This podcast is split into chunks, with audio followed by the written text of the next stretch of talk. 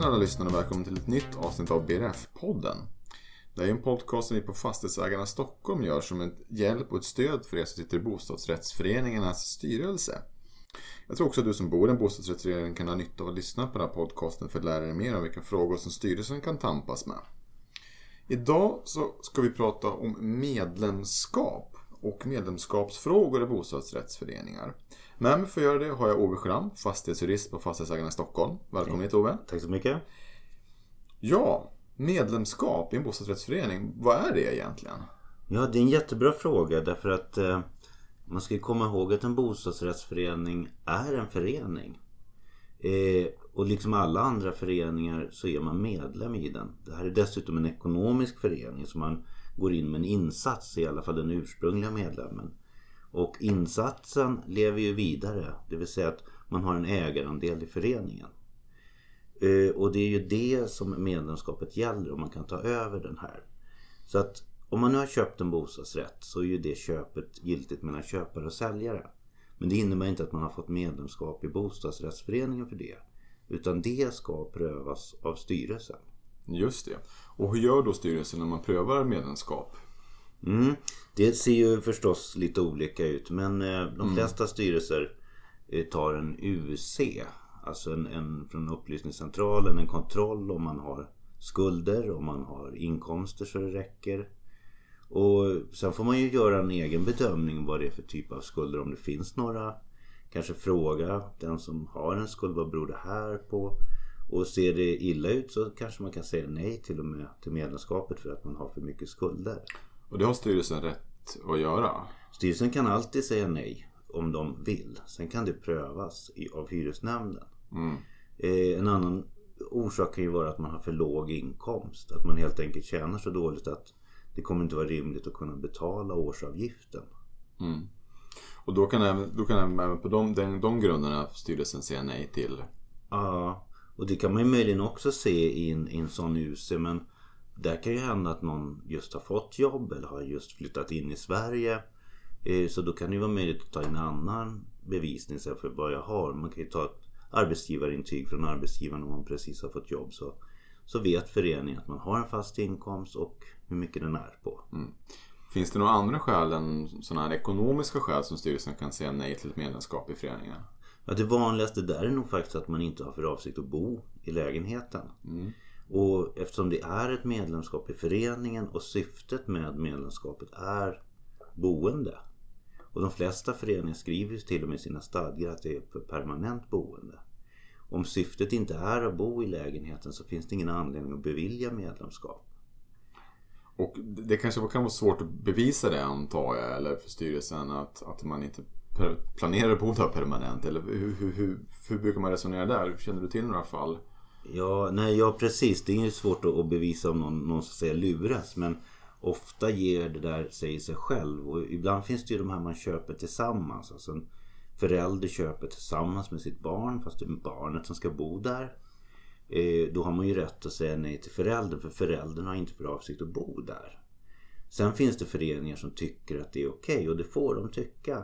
Att man köper tillsammans med barn och man hjälper dem ut så att säga i bostadsmarknaden. Eh, men man har ju rätt att säga nej och då kanske det är uppenbart om det är en liten etta att man inte tänker bo där med sina föräldrar. Eh, och då, då finns det ju anledning att fråga.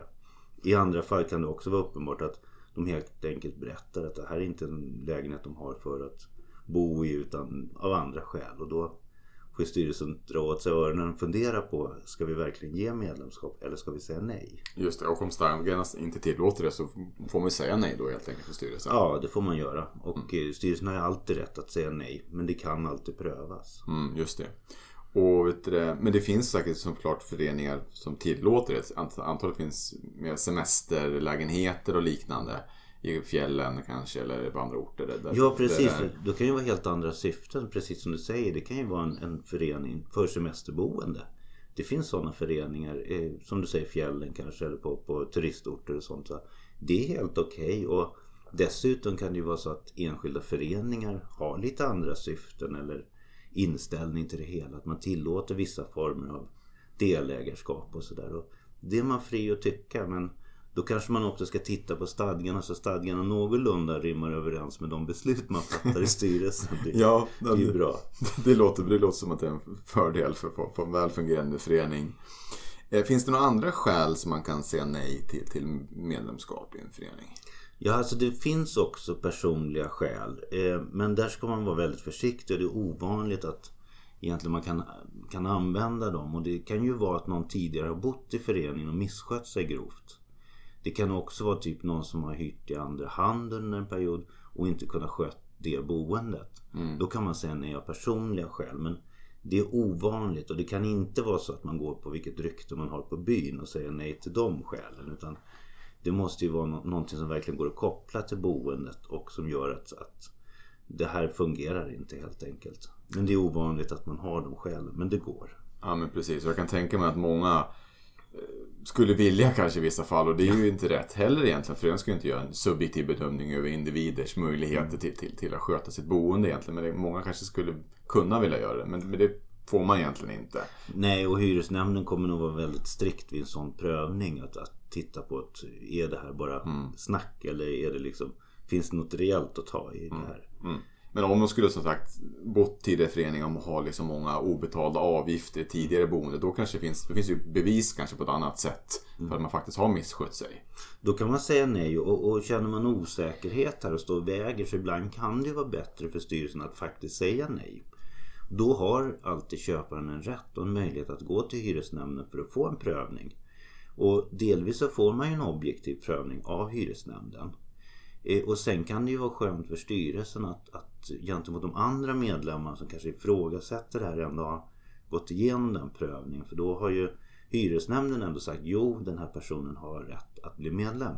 Därmed så står ju säga, styrelsen utan ansvar gentemot de andra medlemmarna. Så då, har man, då har man försökt i alla fall. Just det. Mm. Nu har vi pratat om vad det som gäller när privatpersoner köper en, en bostadsrätt i en bostadsrättsförening. Men vad gäller när det kommer till juridiska personer? När det gäller juridiska personer som köper en bostad så har föreningen alltid rätt att säga nej. De flesta föreningar vill också säga nej därför att man vill ha en fysisk person som faktiskt bor i lägenheten och inte en juridisk person. Då är det lite svårare att veta vem det är som eh, kommer att bo där fysiskt. Sen kan det finnas undantag när man faktiskt tycker att det är okej med juridiska personer. Det kan vara under övergångsskeende. Låt säga att någon testamenterar sin lägenhet till Röda Korset.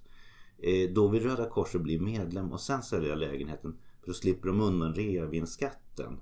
Så det kan finnas enstaka situationer när man tycker att det är okej med juridisk person. Men föreningen har alltid rätt att säga nej till juridiska personer och de kan inte få det prövat i hyresnämnden. Då finns det dock ett undantag och det är kommun och landsting. Kommun och landsting har alltid rätt att förvärva bostadsrätter och få medlemskap i föreningen. För de ska ju kunna av, av olika sociala eller ekonomiska skäl kunna eh, placera folk var de finner att de behöver. Ja men jättebra, då tror jag vi har lärt oss allt som man behöver kunna när det gäller medlemskapsfrågor i bostadsrättsföreningar. Tack för att du tog dig tid att komma hit Ove. Tack så jättemycket för att jag fick komma.